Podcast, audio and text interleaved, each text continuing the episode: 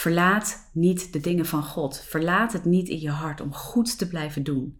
Om na te blijven jagen de dingen van God. Wat er ook gebeurt in omstandigheden. Welkom bij de Godfluencer podcast. Ik ben Tessa, je host. En in deze podcast praat ik heel graag met je over God, geloof de werking van je brein, gezondheid, spiritualiteit en nog veel meer in het licht van de Bijbel en gezondheidswetenschappen. Ik ga rake thema's en scherpe vragen niet uit de weg en daag daarbij mezelf en jou graag uit te leven uit geloof in de vernieuwing van ons denken, aangevuurd door de Heilige Geest en vol van Gods Woord. Daarom is dit de podcast voor jou als je de kracht van God wilt ervaren, ondanks alles wat het leven ongenuanceerd op je pad smijt. Dus ik zou zeggen, let's go Godfluence your world. Hoi en welkom bij een nieuwe Crush Your Day. Hier op de Godfluencer podcast als je zit te luisteren of op YouTube. Dus zorg ook even dat je daar geabonneerd bent en klik even op de bel bij YouTube, zodat je geen enkele nieuwe aflevering mist. Hey, en vandaag wil ik je meenemen eigenlijk in een korte inspiratie. Gewoon naar aanleiding van de preken die ik de afgelopen weken heb mogen houden. En ja, de processen die ik dan doorwandel, de zoektochten die ik heb door het woord van God heen in gebed, uh, luisteren naar andere predikers, die ook raken aan dezelfde uh, thema's of onderwerpen. Ik haal daar superveel uit en ik geloof ook dat God daardoor ook weer spreekt. Niet alleen in mijn eigen leven, maar ook om weer uit te delen. Het woord van God is zo rijk aan nou ja, aan wat niet, wou ik zeggen, maar aan zoveel. En ik moet um, gelijk denken aan een uitspraak uh, die een vriendin van mij deed van de week. In gesprek met mij over, over de kracht van het woord van God. En dat het eigenlijk voor elke dag in je leven iets heeft. En zij volgt een Bijbelstudie. En vanuit die Bijbelstudie wordt zij geïnspireerd om eigenlijk in elke uh, tekst die ze leest, elke Bijbeltekst die ze leest, daar is naar te kijken voor haar eigen dag. Voor wat brengt het mij vandaag in mijn leven?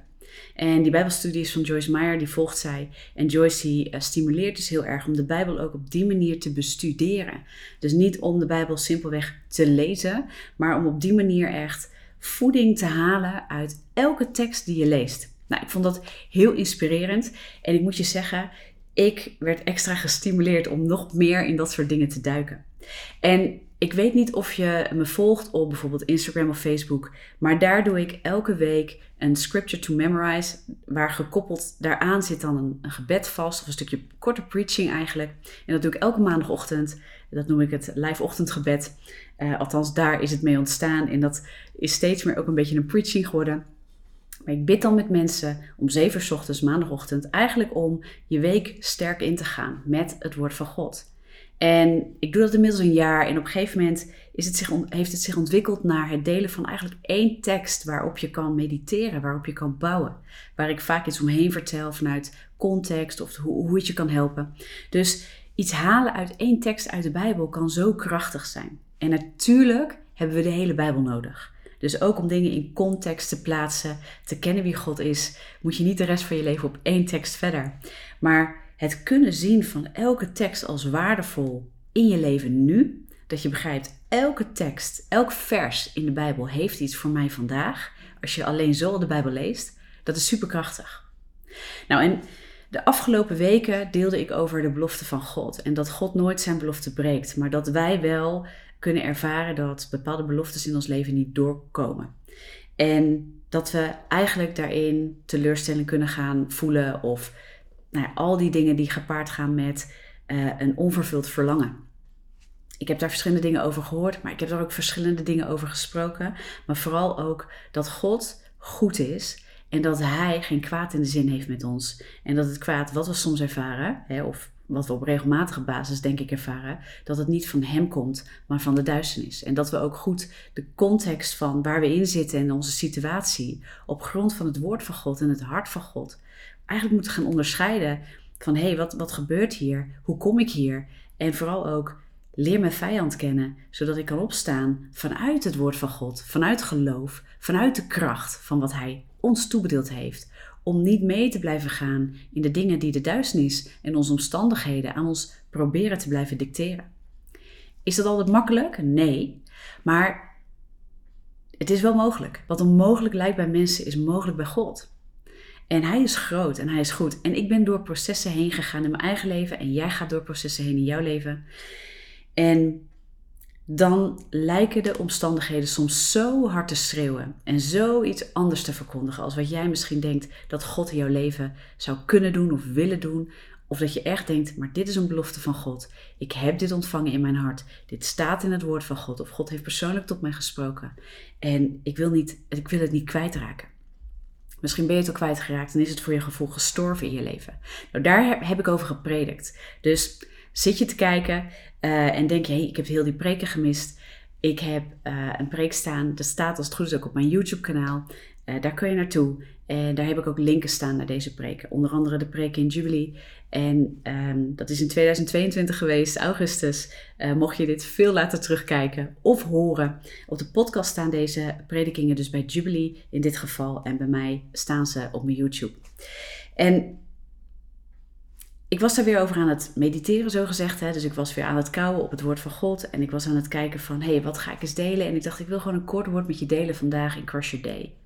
En Crush Your Day en ook het ochtendgebed op Facebook en Instagram zijn ervoor om uh, je niet te laten breken door de dingen van het leven. Maar dat je door kan breken in de dingen van het leven op grond van het woord van God en de kracht van God in je leven.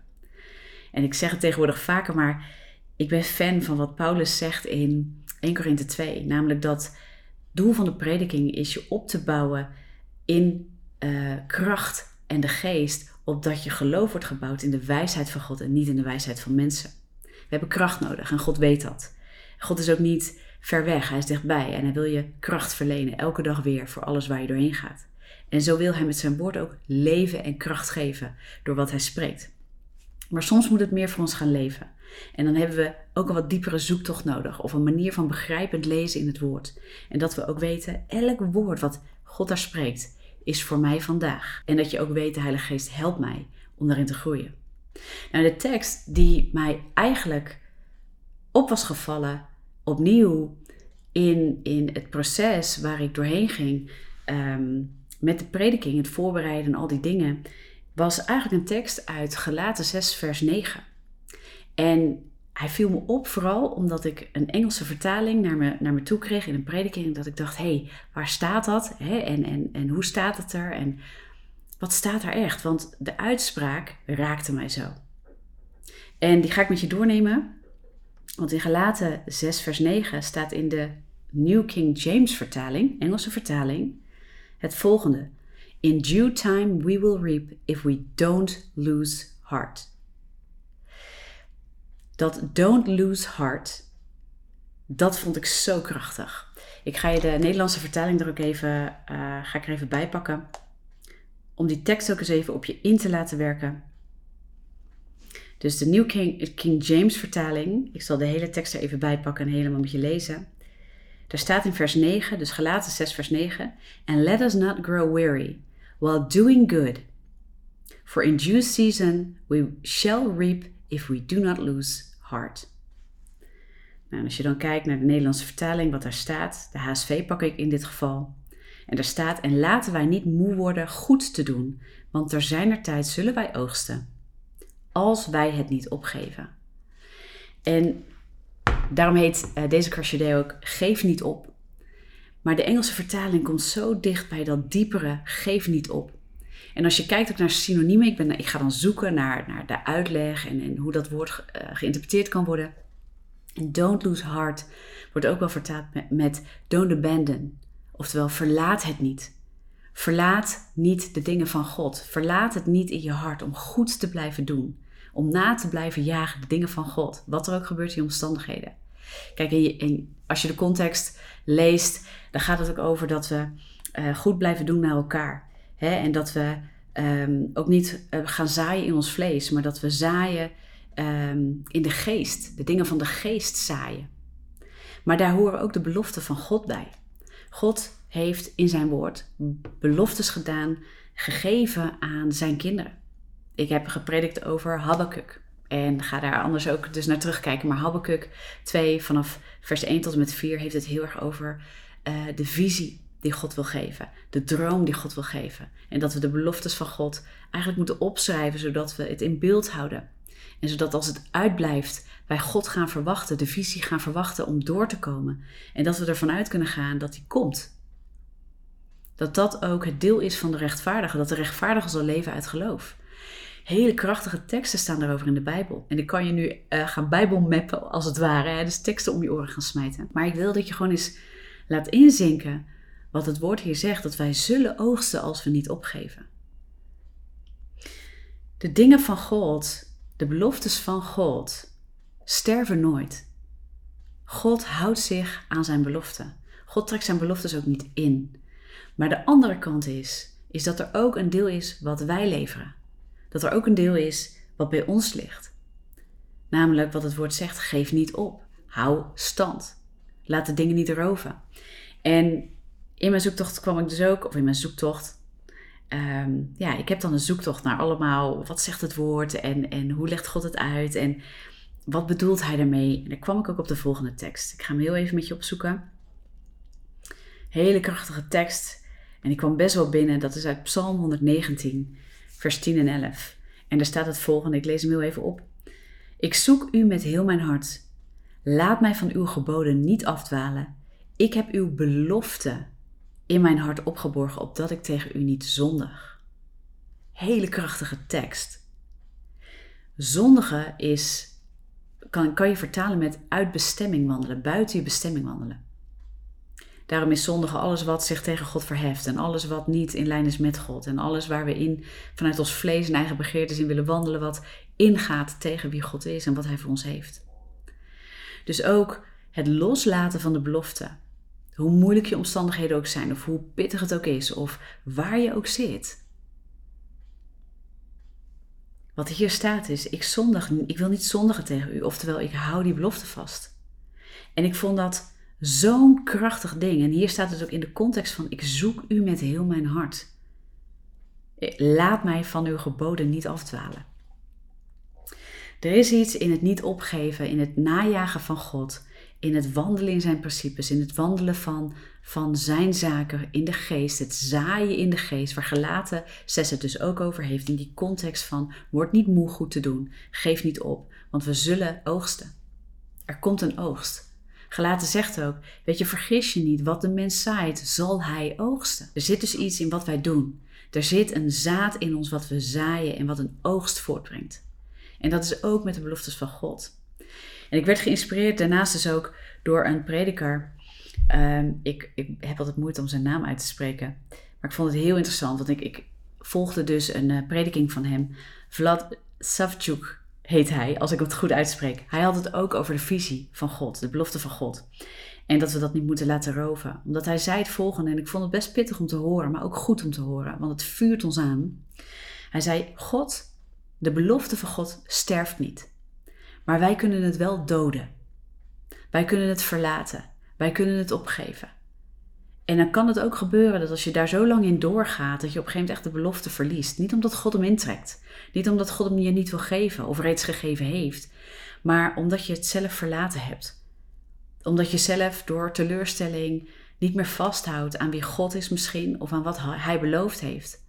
En het is zo krachtig om soms weer aangevuurd te worden, of soms, ik denk altijd aangevuurd te worden, dat ondanks onze omstandigheden we moeten uitstrekken naar God zelf, zodat we onze eigen begeertes en verwachtingen ook niet gaan verwarren met de beloftes van God. Want laat ik, laat ik wel wezen, weet je, soms zijn we zo ervan uitgegaan dat God ons iets belooft, omdat het een diep verlangen is in ons hart en dan heeft ten diepste God het niet op die manier beloofd. Of God heeft het überhaupt niet beloofd. En dan ontstaat er teleurstelling omdat het niet doorkomt, omdat God het op voorhand niet had beloofd aan jou en mij. En maar dat, dat is misschien een ding waar ik nog eens op in kan gaan. Maar als je weet, God heeft het beloofd. Dit staat in het woord van God. Of God heeft mij een persoonlijke belofte gedaan. En ik weet dat ik weet dat ik weet. Ik weet God heeft gesproken. Want een belofte krijgen, een belofte ontvangen, is allereerst door God te horen voor je leven. Op grond van wat God spreekt, kun je daarop gaan staan. Maar dan zegt hij, en terecht, weet je, God trekt die belofte nooit in. Maar wij kunnen het doden door het te verlaten.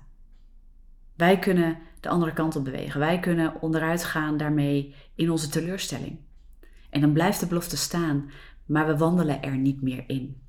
Zodra we uit bestemming gaan wandelen, niet meer in de dingen van God wandelen. Dan kan je dus dingen gaan mislopen. En dit is niet om je te laten denken: oh, maar dan heb ik dus fouten gemaakt en dan kan het nooit meer goed komen. Nee, want het woord zegt: de belofte blijft staan. Dus zodra je naar God rent, zodra je dat doet, zit je op de juiste weg. En het is soms moeilijk en pittig om dit te prediken, omdat we heel erg in een soort schuldgevoel kunnen komen. Omdat we dan gaan denken: ja, maar ik heb, ik heb mijn genezing niet ontvangen en ik geloof God voor genezing. Of ik, ik zit in bepaalde situaties en ik, ik, het komt maar niet door en ik blijf maar vastlopen. Ik zal wel wat verkeerd hebben gedaan. Ik zal wel uit bestemming lopen. En dan kan het een soort neerslachtigheid bij je brengen en nog meer teleurstelling in jezelf. En dat is eigenlijk niet waarvoor het woord gepredikt wordt, waarom geloof gepredikt wordt. Geloof bouwt op. Dat is het doel om je vrij te zetten, niet in schuldgevoel te duwen. Dus op het moment dat je merkt van ja, maar die geloofsprediking, die taal van geloof, die zet mij vast in schuld, dat is niet van God. Dan is de geloofsprediking wellicht wel van God. Maar het gevolg, wat, wat de duisternis in je probeert te bewerken, niet. Die probeert je af te houden door je in schuldgevoel te zetten en nog verder vast te zetten. Maar God zegt: nee, ik zeg deze dingen om je vrij te krijgen. Ik zeg deze dingen om je eruit te trekken, je terug te zetten op de, op de weg van bestemming, zodat je kunt ontvangen wat ik je reeds gegeven heb. Ik heb reeds de belofte voorzien voor jouw leven. Dus het scherp prediken van hé, hey, maar er zit ook een deel bij jou en mij. En we moeten ook naar ons eigen leven kijken. En je moet niet op weg zijn om de beloftes te doden uit teleurstelling of pijn of verdriet. Maar je moet het weer grijpen. Het mag je aanvuren. De dingen van God zijn van Hem. En je moet Hem najagen, niet alleen de uitkomst van de belofte. Je moet bereid zijn om dingen die je verlangt los te laten, opdat je Hem, God zelf, op de hoogste plek hebt staan. Want in Hem zijn alle beloftes ja en amen. Dat zegt het woord. Dat staat in het woord van God. Maar daarbuiten, daar willen we eigenlijk niet wandelen, want dan zijn we in staat om de belofte te doden in ons leven. Niet dat de belofte werkelijk sterft, want bij God sterft de belofte nooit. Hij staat voor zijn belofte aan jou en mij. Kunnen wij staan ook voor diezelfde belofte van Hem aan jou en mij?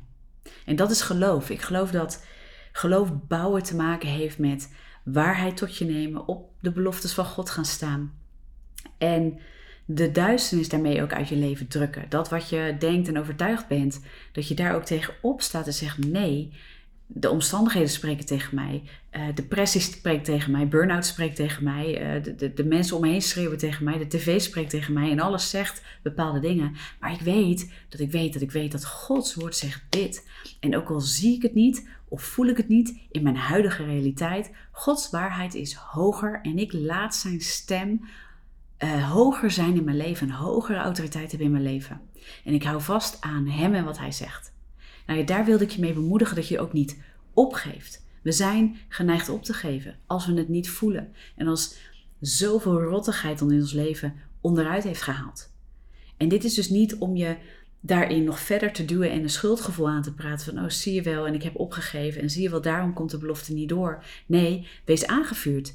Laat jezelf eruit trekken door dit woord en pak het vast en, en weet, weet je, God vergeeft allereerst. En zijn belofte blijft staan. Dus zodra jij je omdraait en denkt, weet je, ik ga mijn leven niet meer leiden in die teleurstelling. Ik grijp hem vast, want ik weet, hij is ehm, groter. Hij die in mij is, is groter dan hij die in de wereld is. En hij die beloftes geeft, komt ze na. Want hij is geen leugenaar, hij kan niet liegen. God kan niet liegen tegen jou en mij.